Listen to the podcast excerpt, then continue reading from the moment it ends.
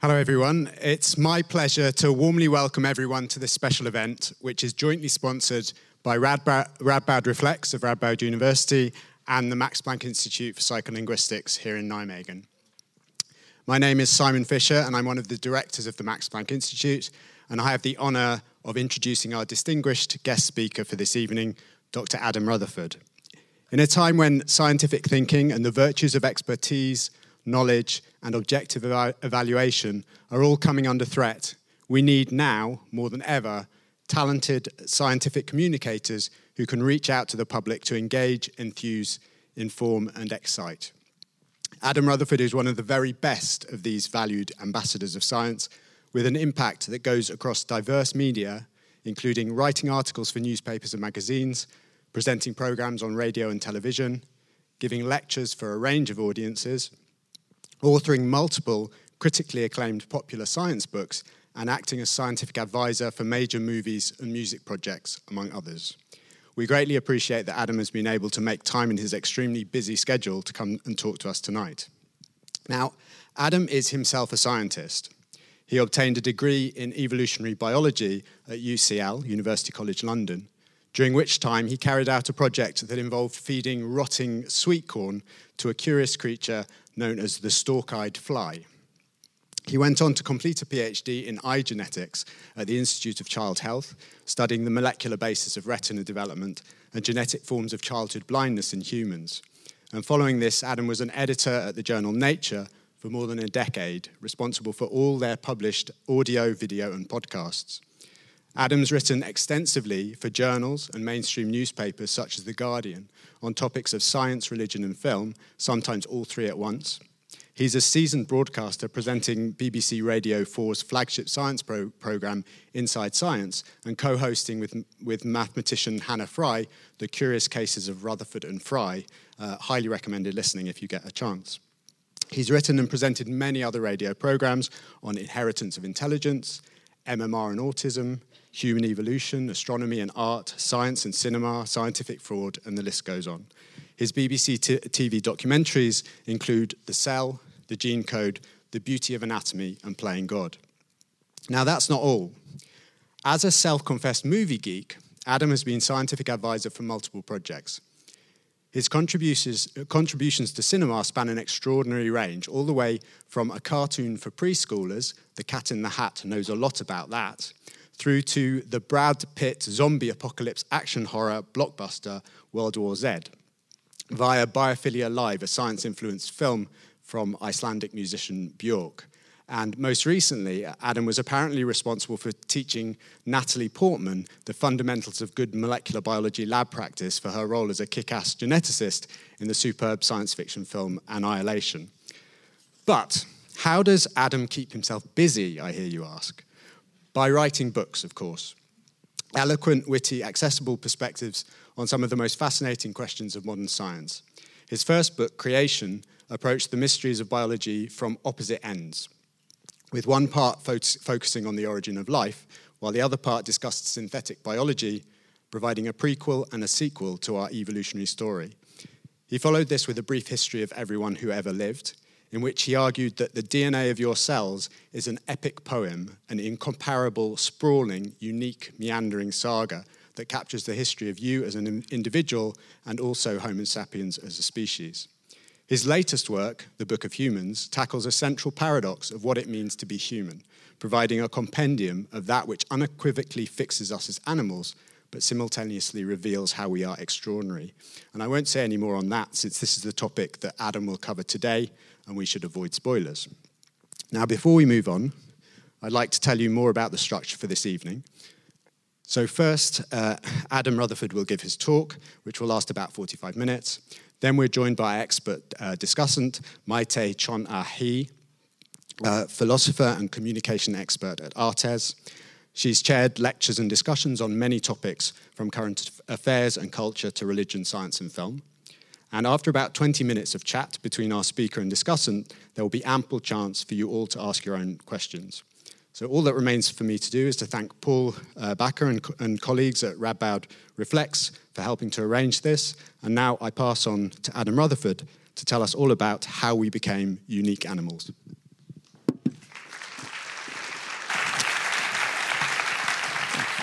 Thank you, uh, um, thank you very much, um, that was an extraordinarily generous and about 70% accurate biography of, of me.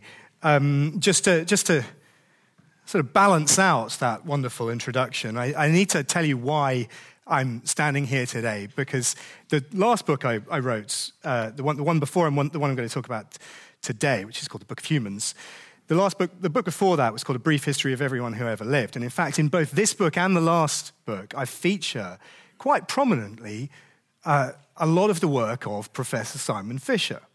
And we hadn't met, even though our worlds had been very closely uh, aligned academically due to his research and my interest more generally in, in the field that he was uh, working in, linguistics and genetics.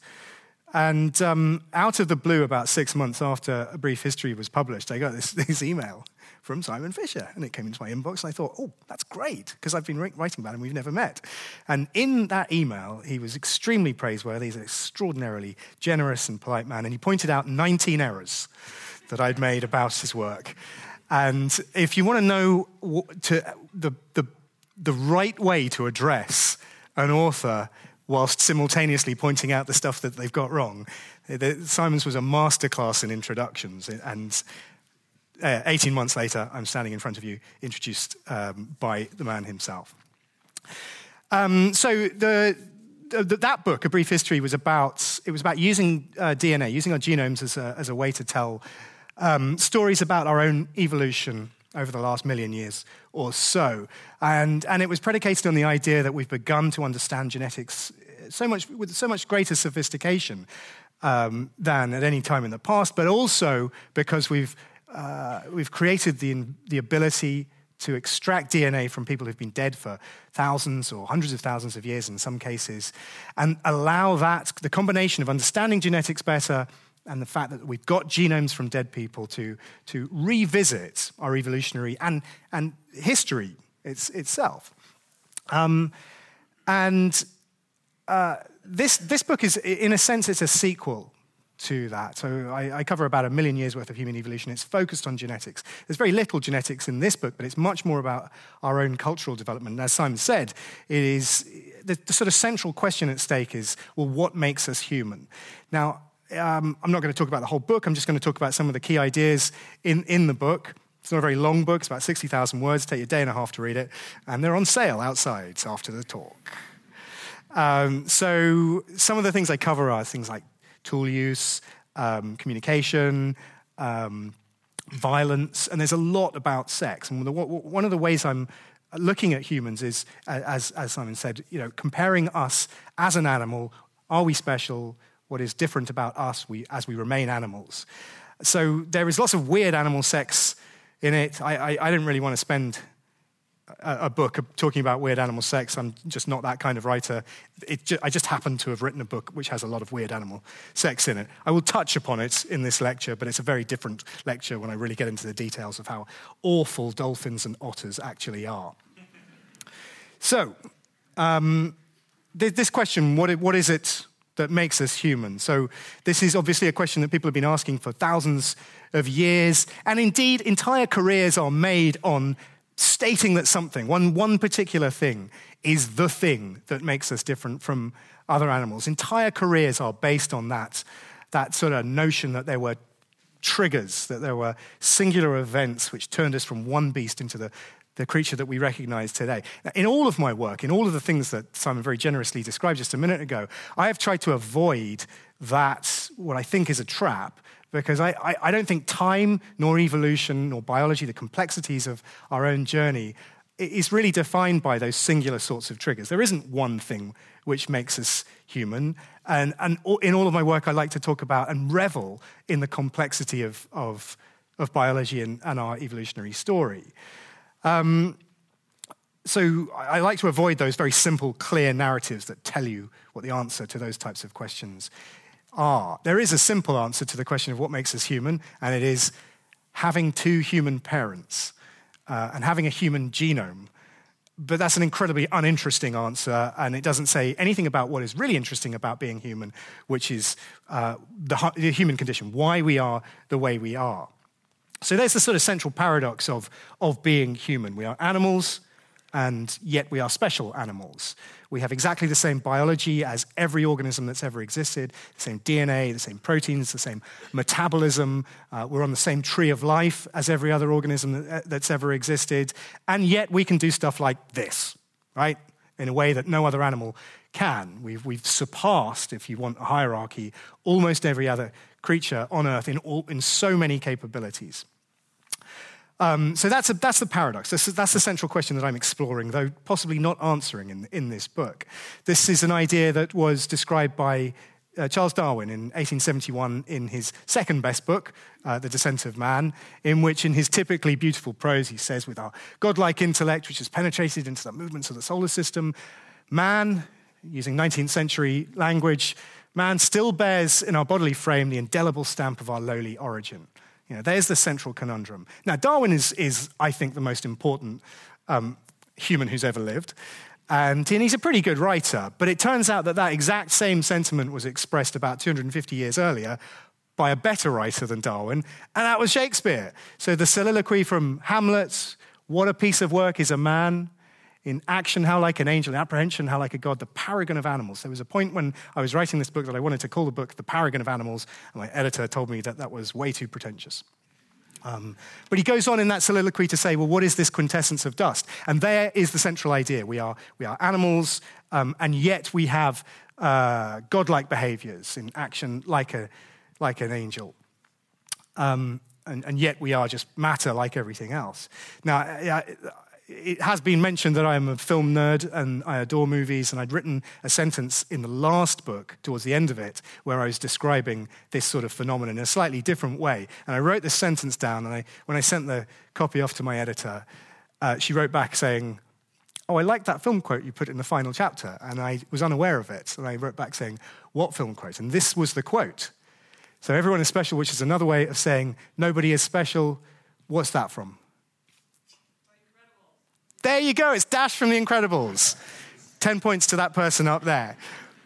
So, in the first two pages of this book, I quote Darwin, Shakespeare, and Dash, which I'm, I'm personally very proud of.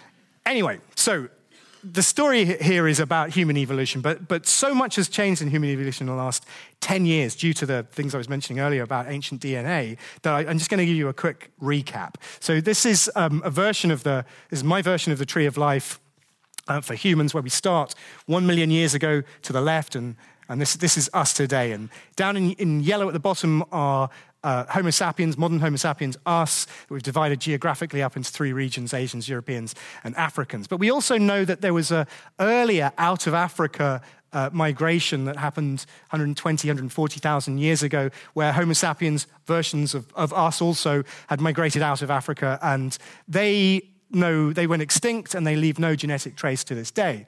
We also all know about the Neanderthals. They're now divided into Eastern and Western Neanderthals. They were a European species, but the more we look, the more we find them in sort of Central Asia at least, so we divide them up like that. And a few years ago, you, you might remember in 2010, I think it was, that um, a finger bone, the distal tip of the, the little finger, um, and a tooth, a molar, were found in a cave in Siberia, um, a cave named after a Christian eremite who lived there whose name was Denis. And those two bones, well, but one bone and one tooth, are not enough to categorize a new species of human. But because of our new ability to extract DNA from ancient remains, the entire genome was extracted from this teenage girl, as it was. And it was not the same as Homo sapiens, us, and it was not the same as Neanderthals, for whom we got a genome a couple of years earlier.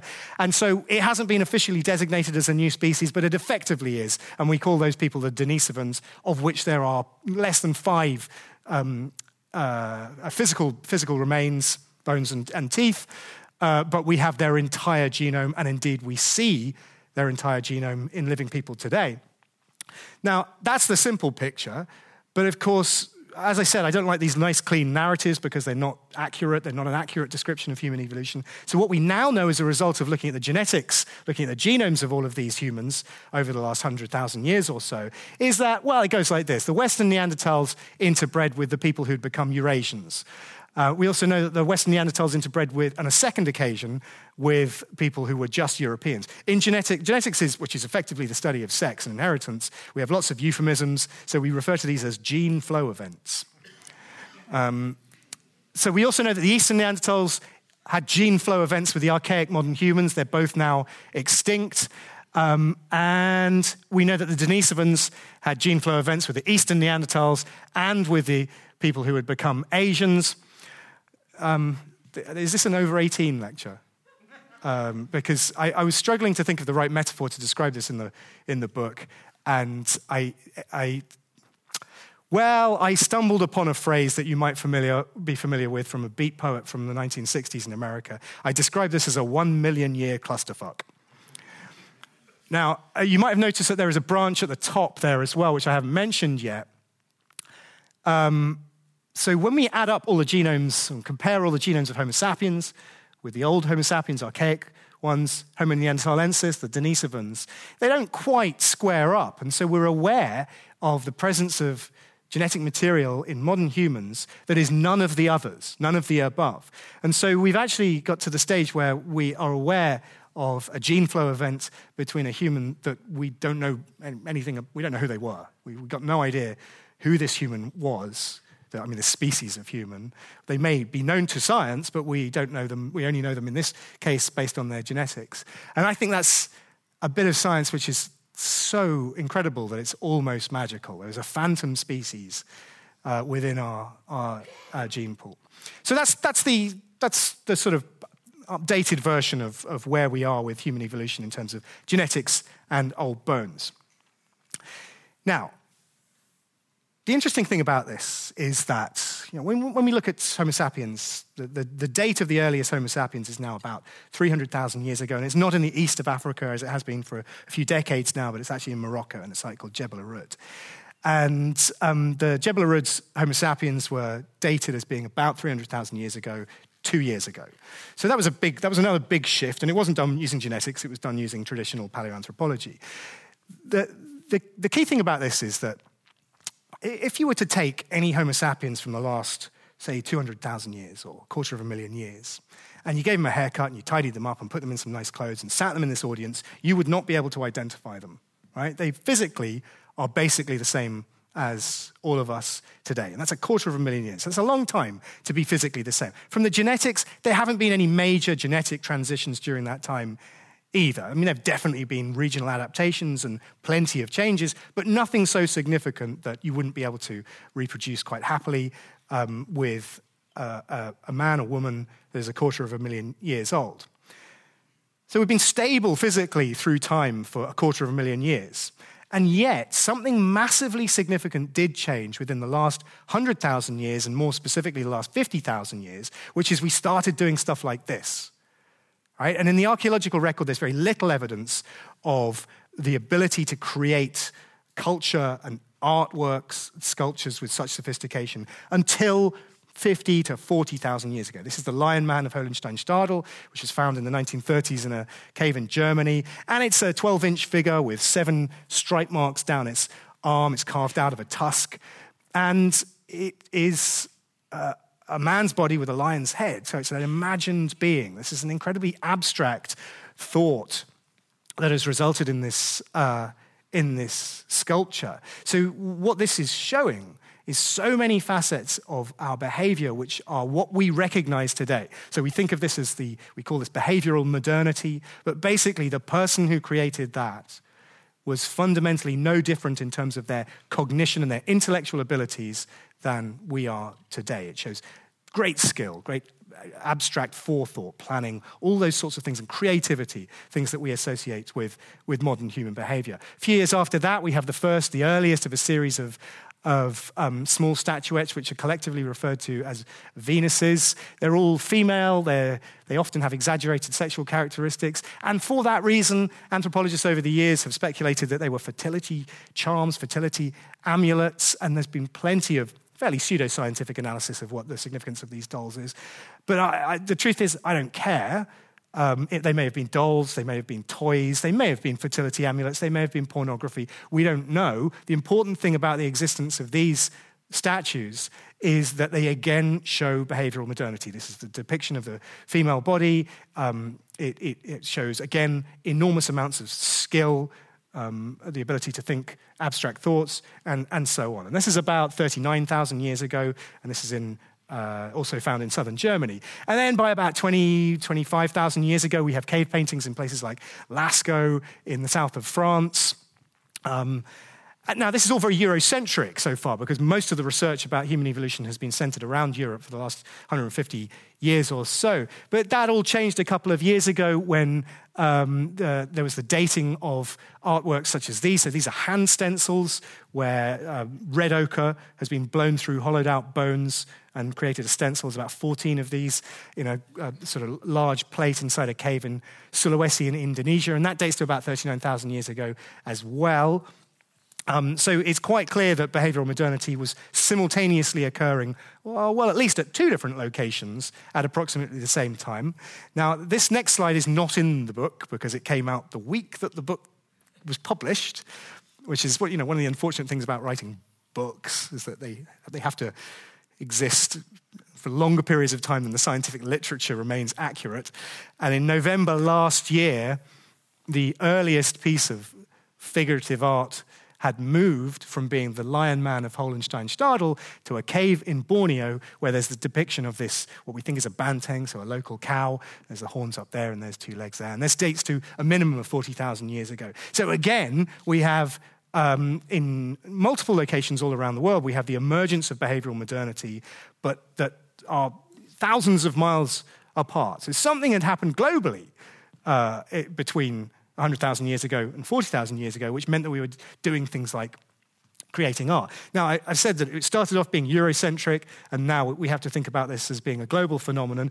I've also entirely uh, been speaking about Homo sapiens, us, and that changed last year as well, because now the earliest figurative art, which was uh, redated uh, in 2018, February 2018, um, it, this is a cave in northern Spain, in Cantabria, and this is some art that's been known since the 1960s, but it was redated at the beginning of this year, and it comes out at about 64,000 years ago. The only people in Europe 64,000 years ago are not Homo sapiens, they're Homo neanderthalensis. Right, so the earliest depictions of creative processes that reflect behavioral modernity are not even in our own species. Right? They're in, a, they're in a, another species of human, the Neanderthals. This is all part of the, the revision of Neanderthals. So the, the idea that the Neanderthals were sort of oafish cave people um, that were unsophisticated, grunting uh, idiots is now something we have to completely put to bed. As far as we can tell, Neanderthals were effectively indistinguishable from us in terms of their, the sophistication of their tool use, their behavior, their arts, their clothing, their tattooing, all of these things we have good evidence for. Um, and they did look slightly different from us. They, they, tended to have larger barrel chests and a different skull shape, slightly, um, slightly larger brains on average.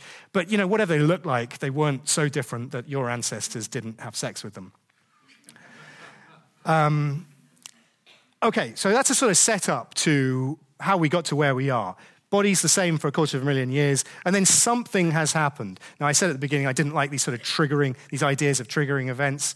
Um, but and when we talk about something happened, some people call it the cognitive revolution. You know, it probably took 20,000 years. So I, I, think revolutions need to happen in shorter time periods than 20,000 years. But at least something significant happened all over the world. Now, of the things that uh, we, we have traditionally or over the years thought of as being uh, human specific, so it's just, just us, characteristics which are definitionally human and not shared by other animals, the things that make us unique. Let me talk about tool use first, because um, humans are obligate tool users. This was the first stone tool discovered in the 1960s associated with ancient human remains in Olduvai Gorge in East Africa. And it is a, it's, it's, it's an obsidian stone, so a glass volcanic stone that has been chipped to create a, a sharp edge. Now, these were discovered by the Leakey family um, in 67, I believe it was, alongside the bones of this human, Homo habilis, um, which at the time is the earliest member of the genus Homo, which is what we refer to as, as humans. Homo habilis means handyman, right? So this is a species of human that is presumably on our evolutionary trajectory, which is defined by tool use. Now, that's you know, that's, that's two million years ago, so we have been using tools in some capacity for two million years, so since before Homo sapiens actually existed. It turns out in, in the 1990s, um, another species, of which there's only one sample called Kenyanthropus platyops, was discovered, and it's about 3.2 million years in roughly the same location. But that was also identified with exactly the same technology, the Oldowan chopper. So, in fact, we now have obligate tool use within our hominid line, which is at least three million years ago, and we've been using tools ever since. The Oldowan tool set remains static through time for at least a million and a half years and gets replaced by a slightly more sophisticated set of tools, which are referred to as the Acheulean uh, tool set. And they tend to be bigger, they tend to be to have two faces, sharper and, and um, more variety in them. And they stay stable through time for about a million years. So, for 95% of the history of humans being obligate tool users, there's only two types of technology, massively stable through time. And then only into the last 100,000 or, or so years, the tools get so much more sophisticated than, than just these, these simple axes. So, the question then becomes, and this is something that Darwin speculated on maybe it's tool use. Maybe we are the obligate tool users, and that is what makes us definitionally human? Well, you've all watched nature documentaries and you know that the answer to that is quite clearly no. Lots of animals use tools. Um, and the ones you know about, like orangutans or um, chimpanzees or gorillas, that's all, always very impressive. What's really interesting about tool use in the, in the rest of the non human animal kingdom is that it spans nine different classes of animals, including mollusks, so octopus, um, uh, sea urchins. My own personal favorite is this. This is the, the well, it's called a boxer crab. So there's about 40 different species of boxer crabs. And what they do is they pick up um, sea, stinging sea anemones and they use them to fight other uh, sea anemones. Um, and for that reason, they get called the pom pom crab. And the truth of the matter is, I could actually just do the rest of the lecture on this animal because, I mean, that's. That's, that's my favorite one. Um, I'm just going to leave that up there. I know you won't listen to me while that's on the screen. um, so that's, that's, that's one example uh, of, of the many examples of the 1% of animals that, that use tools. Now, the, the, the, one of the key ideas that humans do very naturally and not exclusively, but we do it all the time, and very few animals do it um, systematically in the same way, which is the idea of not biological evolution via genetics, but um, what's known as cultural transmission. So it's, it's how we pass on bits of information, units of information to other humans that are things that we know how to do that other animals, that other members of our species don't necessarily know how to do. And it's not transmitted in a genetic way. It's what we're doing now. It's what we're doing. It's what we do every time you know, anyone opens their mouth and speaks to someone else. It's what teachers do. In the book, I argue that many animals learn, but humans are the only species that teaches. Now, that, that is not a sentence that is, that is not without qualification, but it's a good line.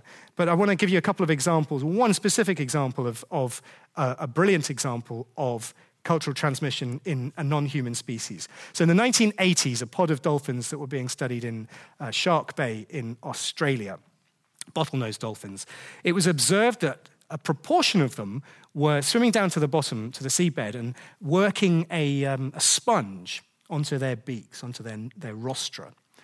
And they were using these sponges to protect themselves when they were foraging for food on the, the rocky sea floor, which, and they, often, they eat things like crab, probably, probably pom-pom crabs.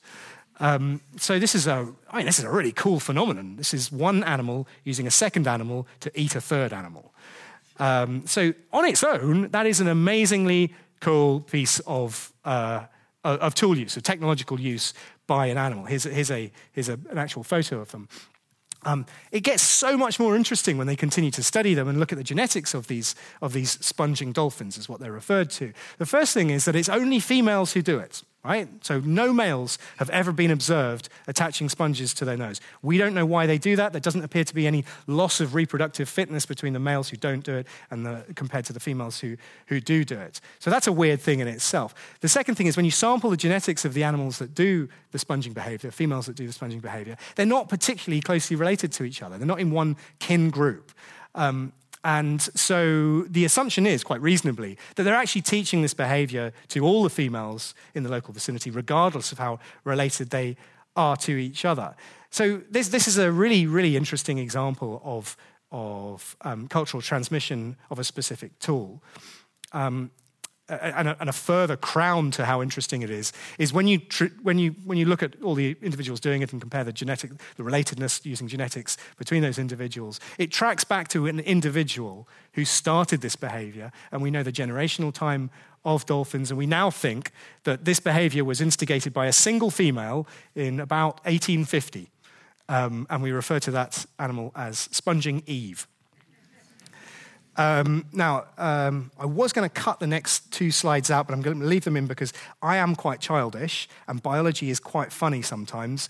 And I, I, there's a huge section in the book about brain size and um, how, how our cognitive abilities are measured, of which there have been many attempts over the years. Brain size itself is not a brilliant metric because brains just scale with size of the animals. So blue whales have much bigger brains than, than we do. We do have large brains, but nothing, you know, we're, we're top 10 in terms of size overall. So uh, Darwin suggested that um, brain to body size ratio was a much better metric. That is also not quite, we're not top of that, that list. In fact, it was Darwin who pointed out that shrews and ants have a higher brain to body size ratio than humans. So this is all part of the, I'm not going to talk about this, maybe we can talk about it in the question session, but it's all part of the rejection of simple narratives um, in, to explain complex behaviors such as intellectual or cognitive ability. The only reason I'm talking about this now is because when I was looking up the animals with the lowest brain to body size ratio.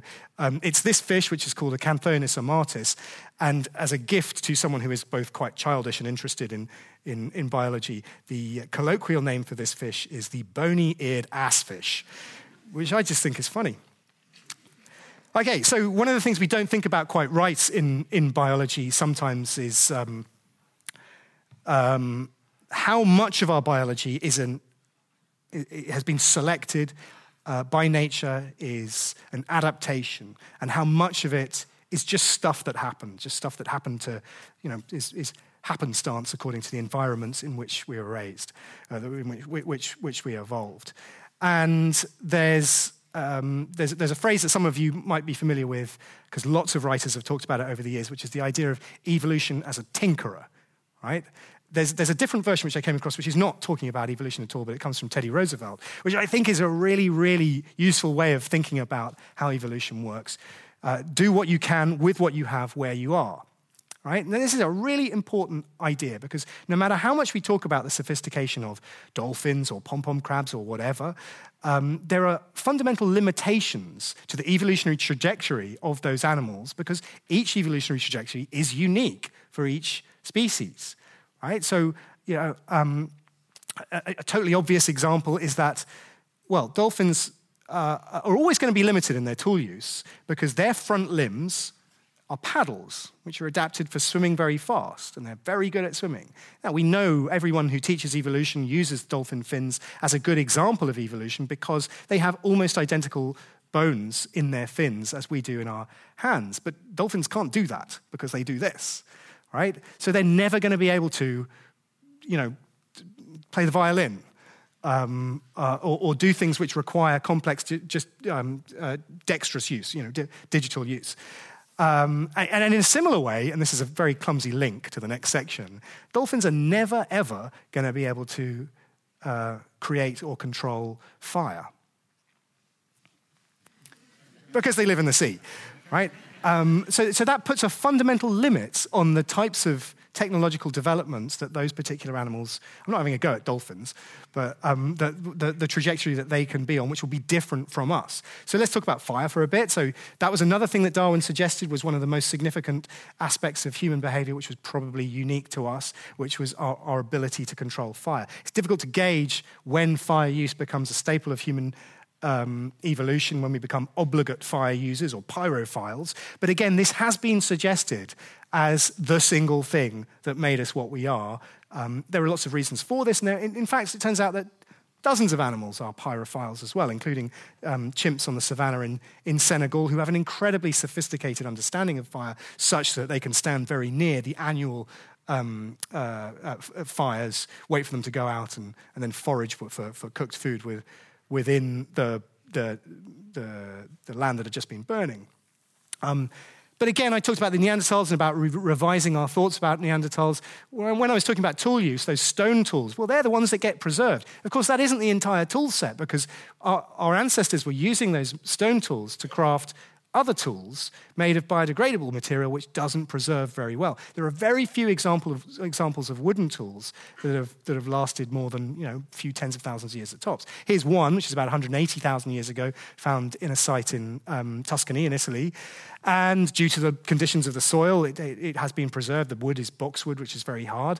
Um, and so this is an example of a Neanderthal uh, wooden tool that's been crafted partially by stone tools that we're aware of, but also it shows very, very clear evidence of having been deliberately burnt on the outside in order to possibly take away the, the small branches on the club itself. So we now know that it's not just limited to us, Homo sapiens, control of fire. We know that Neanderthals and chimpanzees and a bunch of other organisms also have a sophisticated understanding and reliance in an evolutionary sense on fire. However, we are the only organism that can start new fires. Right? Wrong. Um, right until this time last year, when a paper was published out of Australia, uh, first time it's been described in the scientific literature, um, but in fact had been known about by Aboriginal Australians for possibly thousands of years, we're not quite sure.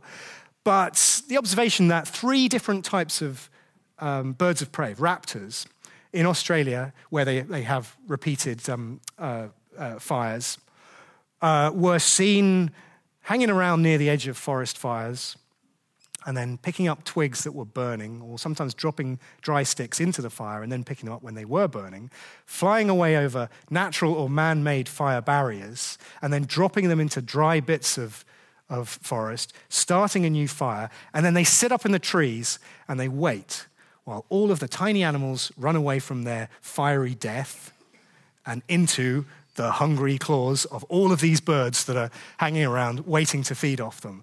So maybe this is unusual. I mean, this is the only other animal we think that can start fires. It, they can't start fires from scratch like we can with a, with a lighter. Um, but again, it's another example of a characteristic that was once thought of as being unique to humans, which we now know is um, uh, widely used amongst many animals, other species of humans, and indeed birds now as well. I think that the thing is that the more we look, the more we're going to find examples like this, which erode us from our, um, our, our pillar of, of uniqueness. How long have I got left? 10, 15 minutes. Okay, great. Okay, I'm, I'm, putting up a picture of the cover of the book because the next bit I'm going to talk about is, is sex, and you don't need to see those pictures. Um, so, um, right, here's the thing. So, I was, whilst, whilst thinking about the ideas of, of human uniqueness, um, I came up with the, well, I didn't come up with, I, I, copied the idea of Richard Dawkins in the first pages of The Selfish Gene, where he imagines an alien scientist coming to Earth to look at us, to study us as a species. Now, I, I, did a different version of this for my purposes, which was that if, if an alien anthropologist came to, came to the Earth and watched us for not even a very long period of time, they would notice very soon that humans devote an enormous amount of uh, time and effort and resources into touching each other's genitals. Now, if you were that alien species, the next question as a scientist would be well, why do they do that? Now, everyone knows why we do that, right? Sex is for reproduction. We have sex, as all sexual species do, in order to make small versions of ourselves. And it's been like that for probably 1.2 billion years. It, that alien species would observe us trying to have sex, you know, pretty much all the time in many different ways.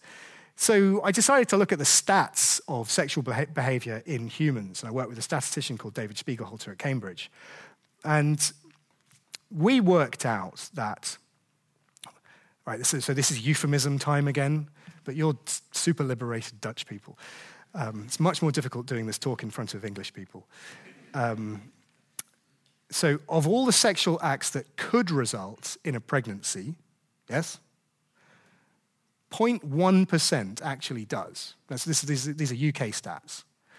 Um, so that's one in every thousand acts of heterosexual penetrative intercourse results in a pregnancy, and that includes spontaneous abortions and terminations. 0.1% is what statisticians refer to as not significant. Right? So if, if you were that alien species observing all of this sexual activity, and you were trying to work out why they, why they were doing that, why we're doing that, you would never come to the conclusion that we have heterosexual sex in order to make babies, because statistically it just doesn't even chart. Now, if you add on top of that all the sexual behavior that cannot result in a baby, um, then the primary purpose of sex is massively dwarfed uh, by the volume of sex that, that we have. Right? So the question then becomes have humans decoupled sex from its primary pur- pur- purpose, which is reproduction? Are we, is, that, is that the thing that is definitionally human? We have sex almost always for reasons that are not to do with reproduction. So you ask the question do any other animals have non reproductive sex? And the answer is yes, all the time. Um, and we've been quite reluctant as naturalists over the last few centuries to actually admit that our observations about all these sexual behaviors in tons of animals are uh, basically not doing it in order to make new ones. Uh, and, and, many of these sexual behaviors in animals look familiar to us. Some of them, therefore, do share an evolutionary origin with us. Many of these behaviors are, look similar but are nothing to do with the same behaviors in us. There's, there's quite a lot of euphemism in this section of the talk. Um, and some of, the, some of the behaviors we understand very well because they fit very easily into our own understanding of evolution. Others are totally mysterious. Let me just go through a couple of examples. You, I presume you get David Attenborough documentaries out here. Did you see Blue Planet uh, last year?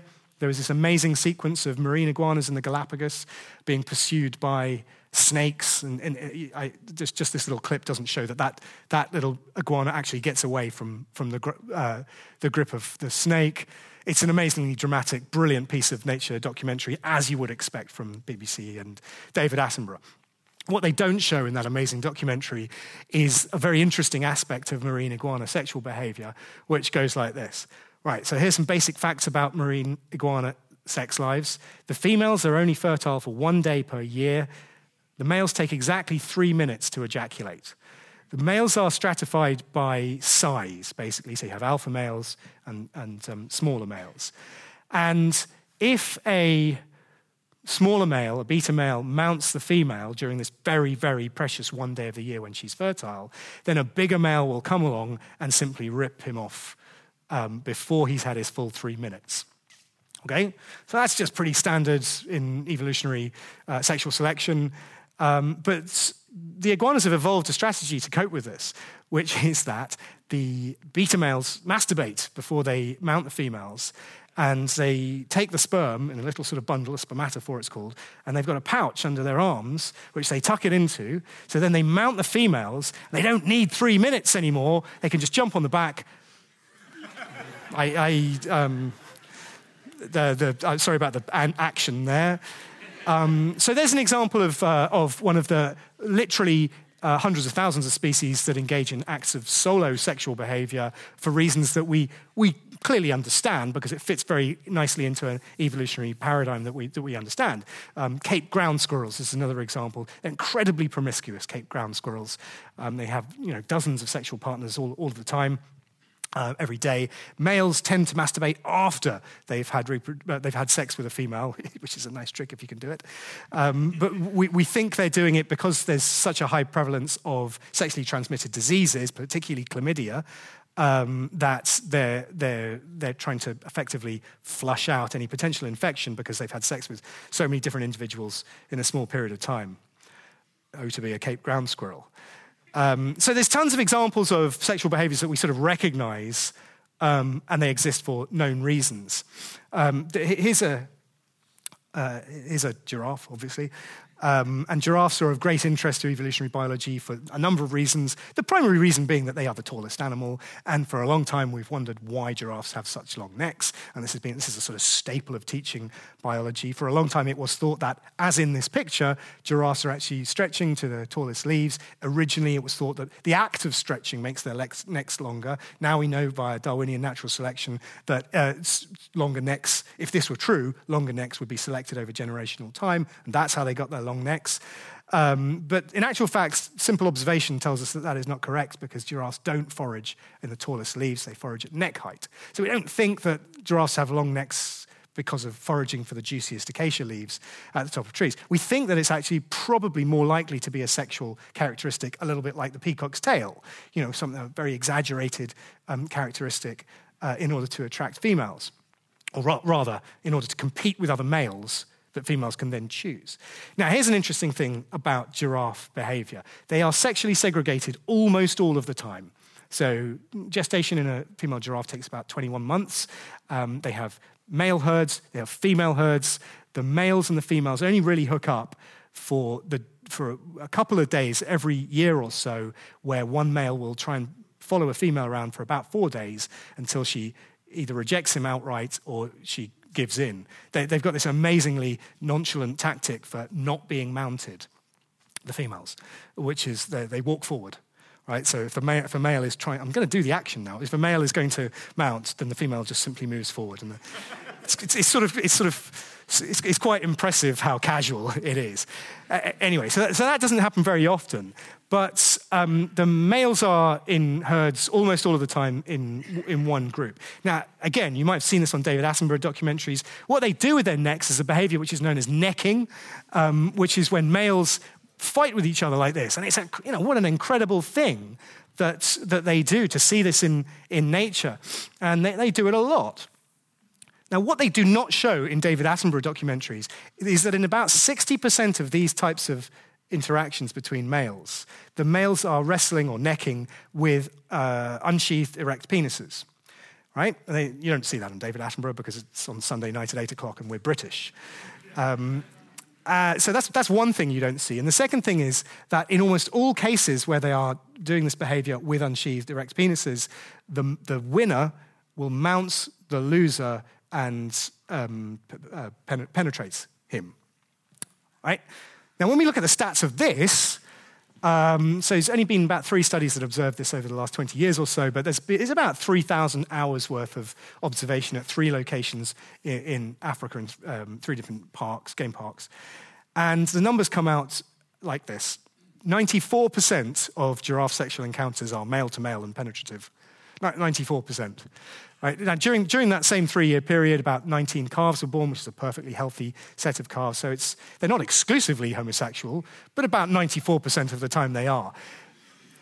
We don't know why they do this, right? We, we just don't know why they do this. There was a suggestion this is, this is a hierarchical thing. We're very bad in evolutionary biology at um, uh, it's accepting the possibility that animals are enjoying themselves.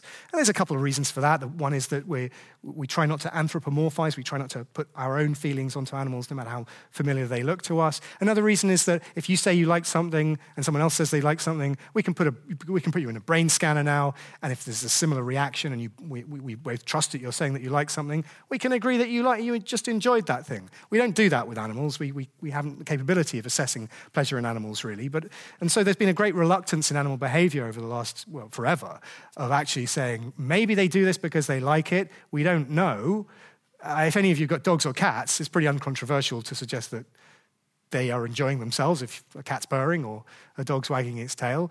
But it's, it's something which is quite hard to scientifically assess. Uh, the point is, in this case, is that, well, we don't know why they're doing this. Maybe they like it. Maybe it's for a reason that we have no idea about. For, for 500 years, the Christian church has decreed that homosexuality in nature, uh, homosexuality is contra naturam, so it's against nature. And, and that is still believed uh, all, all, over the world in many places, and homosexuality is, is still um, criminal in many places, and gay men and women are, are uh, uh, prosecuted and persecuted. Uh, it's clearly not contra naturam. Wherever we look in sexual behaviors in animals, we see homosexual behaviors. And, and again, sometimes we understand why, and in the case of the giraffes, we have no idea, and that's fine. Right, now, that's, that's enough about sex. There's tons more in the book. Um, but let me, let me just get back to the idea of cultural transmission, because one of the, the, the key idea, the thing that I think is um, really the, the, the central thesis in the book, which is a relatively new idea, which hasn't been talked enough about. And, and it's, it's back to the idea of cultural transmission. So the, there's a particular, very few people have studied this, and they've studied it using archaeological remains and uh, statistical techniques where you plug into large computers now, but also um, mathematical modeling.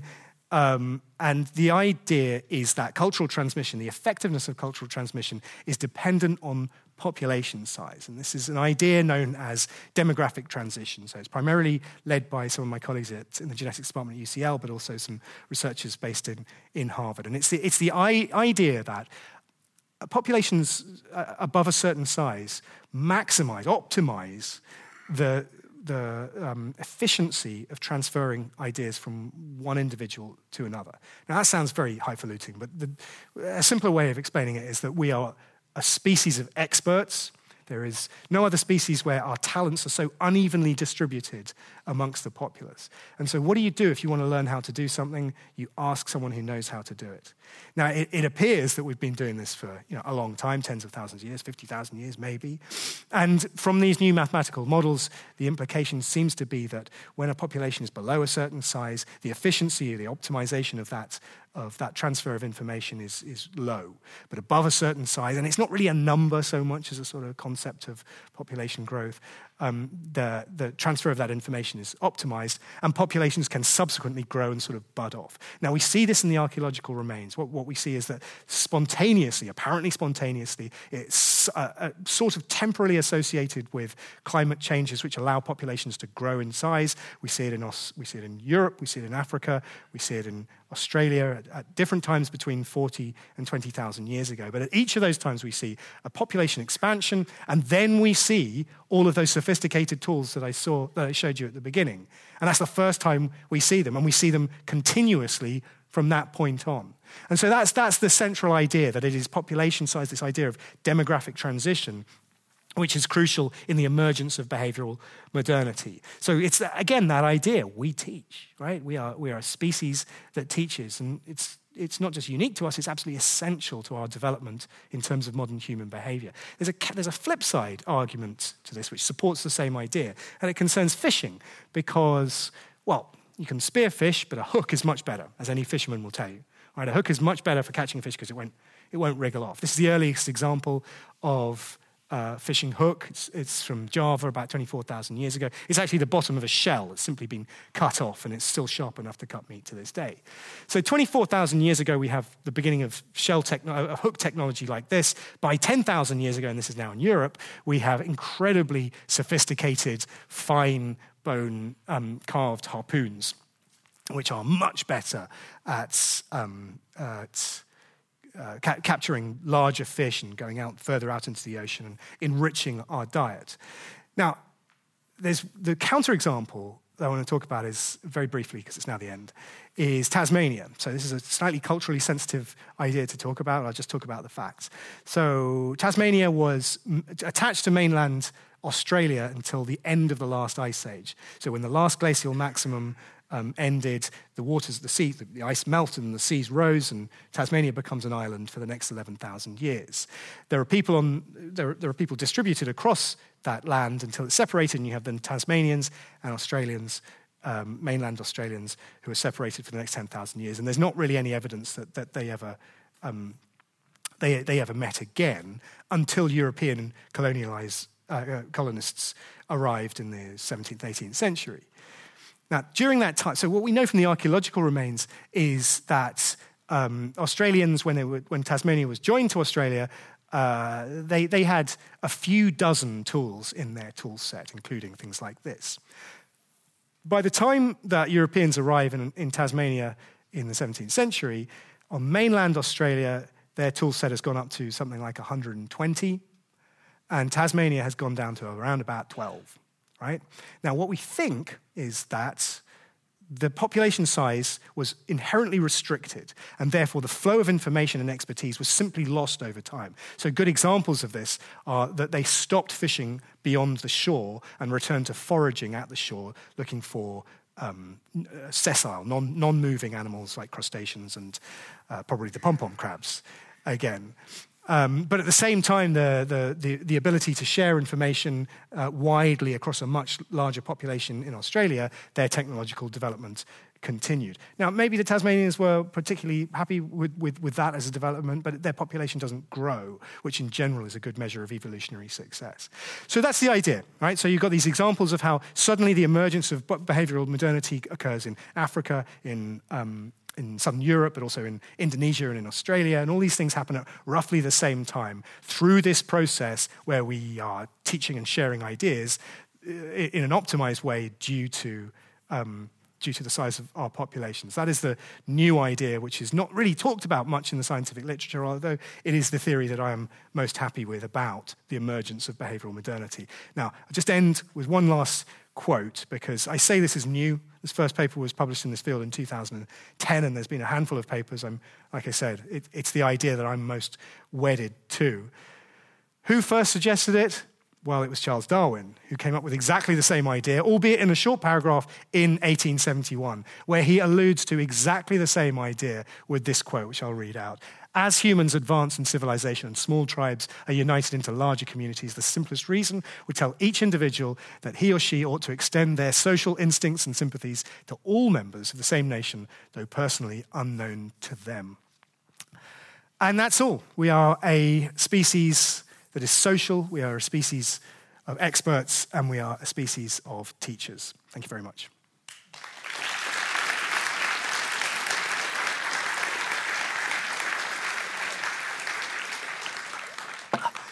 Yeah. Right. Take a seat. Thank you, Adam, for this very elaborate and insightful lecture. My pleasure. Um, I told you already it's a bit of a deformation for a philosopher, but the first question I'm going to ask is why? Um, why did you feel it was so important to address this specific question, what it is that makes us human and what it is that makes us unique? Well, I think it's the most fundamental question that humans have always been asking. Um, and, you know, I've given the scientific perspective on this, but of course, philosophers and artists and writers and poets have been attempting this question. I think with much more insight than scientists until the relatively recent past. And then we've been asking that question for you know, thousands of years. Um, I think that it is part of my mission that I mentioned at the beginning to steer us away from very simple, straightforward, linear narratives about how you know why we are the way we are because it's a it's I, have given you a solution which I think is the correct I think is the most accurate description of what we know mm-hmm. based on the evidence but it's not definitive so, and well, because about this mission, you, you talk about these singular explanations, which are uh, always insufficient um, and proven wrong as well. Um, and just to be clear, how is this idea of cultural trans transmission not one thing? Because it's, it yeah, it's a very fair point because it, it underwrites everything else that we do that is either unique to humans or um, it, we do better or differently from other animals. So things like, so the, the, idea of cultural transmission via this specific model, what emerges from that are all sorts of things that we are, we, we legitimately say are unique to us or sort of unique to us or kind, you know, all the things I talked about. Um, and, and many, many more. But I think that, that what, what, the cultural transmission by demographic transition idea does is it puts down a framework, a sort of base layer, which says this is a behavior which appears to be something that no other creature has done. And as a result of that, this is, this is the place from which all of the stuff that we do happens. So, and let me ask you do you attach any value to this? Because the, the, background of my question as to why you're asking this question is because it always makes me quite uncomfortable. um, because in philosophy, for example, a lot of uh, um, the biggest reason on asking why are we human and what makes us human is to prove that we are not a mere ape or that we are uh, God's creatures or that so there's always a special value attached to this uniqueness. Uh, so we're a higher evolved species versus lower evolved species.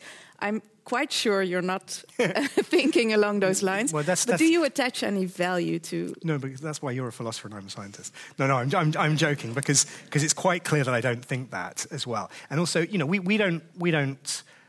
I, I think what's most interesting about this question is that we are a, a paradox because we now accept that we are animals. We don't talk about higher and lower species anymore. Well, we try not to. Um, all species are as evolved as all other species. we do have a set of behaviors which, which are very unusual. We've managed to spread ourselves around the world in a way that is very unusual. We talk about us being the dominant species. Well, you know, that really depends on how you measure it, because there are bacteria have been around for four billion years mm-hmm. and will be around for another four billion years after we're gone, and they are by far the greatest um, uh, type of organisms by mass and by cell count, by, by biomass. So, you know, it, it kind of depends on, on how you measure these things. We're, we're not meant to be into sort of hierarchies in, in, in science. And I, I note that this slide has, I don't know whether this was deliberate or not, but this is one of my least favorite images in the history of science. Well, this is a version of it. And thank you for putting it up because it gives us an opportunity to talk about what's please wrong with do. this picture. Yeah, please do. Right? Um, and I've got a, at college, I've got a lecture which is entirely based around this image. So this is this is this will be very familiar to you, to most people. It's, it's, it, it was originally appeared in a textbook, in a French textbook in the 1960s, and it's called the March of Progress. And this is a modified version of it, of course. Um, but it, it, it's meant to be describing the evolution of humankind, but it actually rep- misrepresents evolution in two very specific ways, which are really, really counterproductive in terms of understanding how we think mm-hmm. about evolution in general. The first is it implies direction to our evolution. It's, it's got a, a monkey like creature on the far left, and then there's, it gets more upright, and then you've got some sort of cave creature, and, and the traditional version is it ends up with a, a white Anglo Saxon man with a beard and a spear, and he's always got his, left le- his right leg in front of his left leg, so you can't see the way that all of this happened, right? So that's the first thing. It implies direction. There is no direction to evolution. There is no inevitability about our sophisticated tool use or cognitive capabilities. Uh, I, I, think consciousness and our intellectual abilities are an emergent property from our evolution. Um, so it implies it implies direction, and there is no direction to evolution. The second thing is it implies that we know that route, and we do not. I think, you know, 20 years ago in the textbooks, when I was growing up, we, we knew every single, we, we, we knew every single step between, you know, the last common ancestor of us and gorillas and chimpanzees and us today. And now we know none of them. and that's really cool. That's how science should work. You know, when, when, when you're confident about stuff in science, and that's the point when you should be thinking, have I got this right? And the more you look, the more, the more we've studied human evolution and the more bones we've found, the less sure we are about the picture. And that's great because it means like people like me and Simon and genetics departments all around the world have got an infinite amount of work to do. and you, you're not worried that your book will be inter interpreted in terms of these, like um, as a proof that we are unique and uh, that we are better, maybe than I, well, I hope not. Um, I, I mean, I'm quite, I try to be quite clear that the conundrum is that we are special and, and we're not at the same time. And I'm sort of happy with that as, a, as, as an idea, that it's, we can celebrate how awesome humans are mm-hmm. without being, without putting us at the top of any sort of chain. You know, we can do tons of stuff that loads of animals can't do. But you know, a mantis shrimp can see in 17 different um, wavelengths of light, including polarized light. and a mantis shrimp, an octopus, doesn't give a monkey's. Uh, no, wait a minute, that's a weird phrase. Uh, an octopus doesn't care at all yeah, okay. about, you know, um, this. And they, they seem quite happy. You know, yeah, but the fact is, we care. That's one of the things that makes us well, right. unique. Well, that, that, that, yeah. is, that is the thing that is worth celebrating in us, is that we are the only species that has actually asked the question. We think. Maybe they just don't care. Yeah. Maybe they know the answers and, and maybe we don't like, understand. it's just not that interesting. You know, rotifers abandoned males. Bdelloid rotifers abandoned males about five million years ago, I think. They seem to be doing fine. okay. Um, uh, just one more question about your book. The title is "The Book of Humans: The Story of How We Became Us." Yeah. And you haven't really addressed the how in no. this. Uh, no, in this and in lecture. fact, in fact, in the paperback version, we've changed the subtitle. Oh, really? oh, sorry. yeah. Okay. Yeah. Um, uh, publishers write subtitles because the editor asked this question as yeah. well. Okay. Yeah. Sorry. Uh, no, no, no. It's a, it's a good question, but it's all part of the le- learning process of writing because you, you know you, this is a crowded market for writing about humans. Um, and there are some good books and some bad books out, out there. Um, uh, so, how do you distinguish yourself in that field? Um, is a tricky question, and one of the ways you do that is by talking about weird animal sex. Um, but, but you know, the, the other thing, and I think this is the, like I said couple of times, the thing that I try to do more than anything is embrace the complexity and revel in the beauty of unending stories and non linear narratives. I, I, know that humans need and love stories, and our stories are, have beginnings, middles, and ends, and they tell us trajectories and uh, they tell us about how, how we change. Um, and that's good, and I love stories. Um, but that's not, that's not how evolution works, and it's not how life and time works. And we should be able to do both things. We should be able to talk about, talk accurately about the science and the evolutionary trajectory of life on Earth without needing to rely on linear narratives that result in the hero's journey going from place A via place B and getting to place C, because mm-hmm. that's just not how this stuff works. Um, so I'd rather be honest about that and, and sort of celebrate that, that, that, that complexity. Yeah, but still, then is is there no room there for um, answering the question how we became us? So because I'm not asking why we became us or why I'm not asking for a direction. Yeah. But do you have any any ideas as to how we developed this skill and this? Well, yeah. I mean, so so it it is through social interaction. So it is through it's through the random chance of of um, our environment changing, which means that for you know whatever reasons we reproduce more successfully we have more access to food and so we have reproductive success and our communities got bigger. And at the same time you know there, there isn't a linear version of this of this of this story in itself lots of different things contribute to being the development of behavioral modernity many of which are just random you know some of which will have a genetic basis others won't they will have social bases one of the things i think is interesting about why we don't talk about this idea more i think is because it is in a, there is one interpretation of it which is anti Darwinian. And there's a sort of specific technical reason for that. It's not anti Darwinian, but it looks like it could be.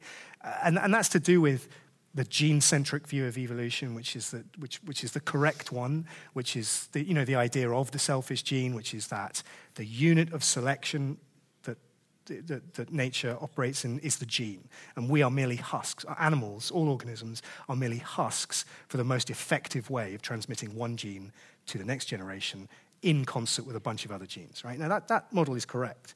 For a long time, whilst um, this was an idea being developed, there were arguments within the scientific community about whether what was the unit of selection. Was it the gene? Was it the individual? Was it the family? Was it the group or was it the species? Now, the, the, evidence suggests that it's the gene and none of the rest of those things. The idea of demographic transition by cultural transmission, sorry, demographic, what was it?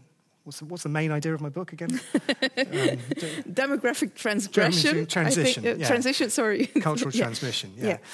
yeah. Um, is it looks like it's group selection. So it looks like it's, it's a cultural selection rather than individual mm-hmm. genes. There isn't a significant genetic change that results us in being able to make statues or do, do art.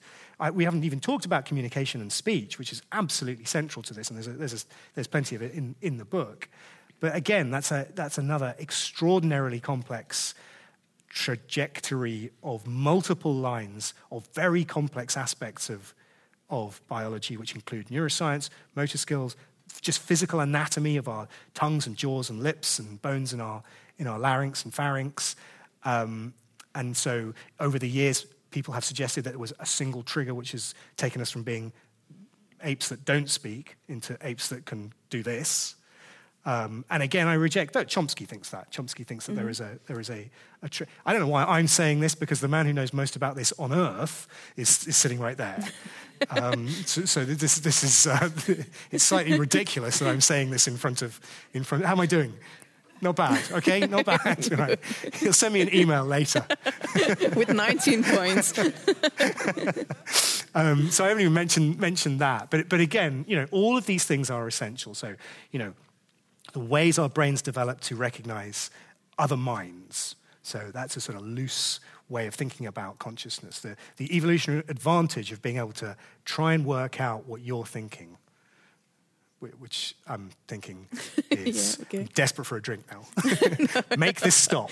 Why is he still talking? You know, things like that. Um, but, but also, you know, th- things that you might say are not obvious uh, things to, to enhance reproductive success, like, you know, we started doing music or doing art, thing, things that don't have an immediate benefit. I mean, maybe it is. Maybe the ability to carve a flute and play the flute in a, in a, um, in a group of people does make you sexually more attractive. Well, I mean, it works for guitarists and bands and, and not for drummers. So you know, there's certainly something in, in that. But you know, the idea that we sort of loosened the shackles of natural selection by all the cultural stuff that we do, that we, that we began um, doing 50 to 100,000 years ago, you know, the, these are all aspects of evolution which are underwritten by biology, by genetics, um, but not entirely dependent on them. Them they're much more. Um, so here's an analogy which I haven't used in the book, but I've, i use elsewhere. I mean, actually including this in the new book. If you think about us as a sort of um, in, in, sort of computer terms, right? Um, you've got the hardware, which is um, our biology, our genetics, and, and you've got the software, which is our culture. Now, more than any other organism, I think, I think this is right, fair to say, more than any other creature, we have shifted the significance of the software, which is our culture, away from the hardware, which is our genetics. Both are still massively important, but we are we are so dependent on our non genetic um, um, facets or evolution more than, more than any other creature. I'm now looking to you for, for acknowledgement for that. I mean, it's, it's, a, it's, it's, it's, not a, it's not a perfect analogy, but I think, I think the idea that we've, we, we, we've transferred to we've transferred the importance of the away from the hardware into the software is, is did you like that? It, can I no, ask you? Someone actually shook their head then. Fine. It's probably a computer scientist. um, but, but could I then say that your mission maybe is to move away, as a, as a geneticist, that your mission might be to move away from this gene centric view and um, have a look at humans in a more cultural um, way? Um, so in an no, uh, well, yes and no. The gene-centric view of evolution is correct. I, I, there's, it will be a, a, famous scientist who, who, get, who demonstrates that that is not the main mode mm-hmm. of evolutionary change. Um, he, he, just that guy just disagrees so much he's just walked out. that was E.O. Wilson. Um, um, but uh, well, we can be both, right? I mean, with, with, with that, that, that is, that is all, all, all creatures are, we, tend not to use the word cultural, but uh, you know, influenced by environment and their own behavior, how it interacts with the environment, some of which has a genetic basis and some of which doesn't. Um, so it is both of those things. But again, you know, it's the same idea. It's combining these things to, to try and understand the complexity of the thing that we, do, that we fail to appreciate. The reason we get evolution wrong so often is just the staggering amount of time that it, it has had, that life on Earth has had to get to this point in us or cuttlefish or octopus or bonobos or whatever. Um, it's unimaginable time that has allowed this process to be enacted in so fundamentally the same way, but in so many different varieties. Evolution is the most creative force that has ever existed. Um, and it, it is a combination of a gene centric view of evolution and everything else that isn't genes. So that's the, you know, nature and nurture. We used to say nature versus mm-hmm. nurture, um, that, which is not a useful way of thinking about biology. Nature via nurture is a, is, an, is a phrase that um, the writer Matt Ridley came up with, which is better. Nature is genes, nurture is everything that isn't genes. And it's not just whether your parents cuddled you when you were a kid or read your books, although that is part of it. It's random stuff, like the orientation of the embryo in the womb, or um, uh, you know, the, the, the, cellular activity uh, around the embryo. All things which aren't primarily genetically um, moderated counters the environment. And the complex interaction between the environment the nurture bit and nature. Well, that's, that's, that's, that's what makes a life as an individual, but that is also the trajectory that, that, is, uh, that is fundamental to evolution. can I have a break? yeah, you can have a break. Sorry. thank you very much for your lecture, and thank you, thank you everyone for coming here. And yeah. thank you. Thank you. Thank you.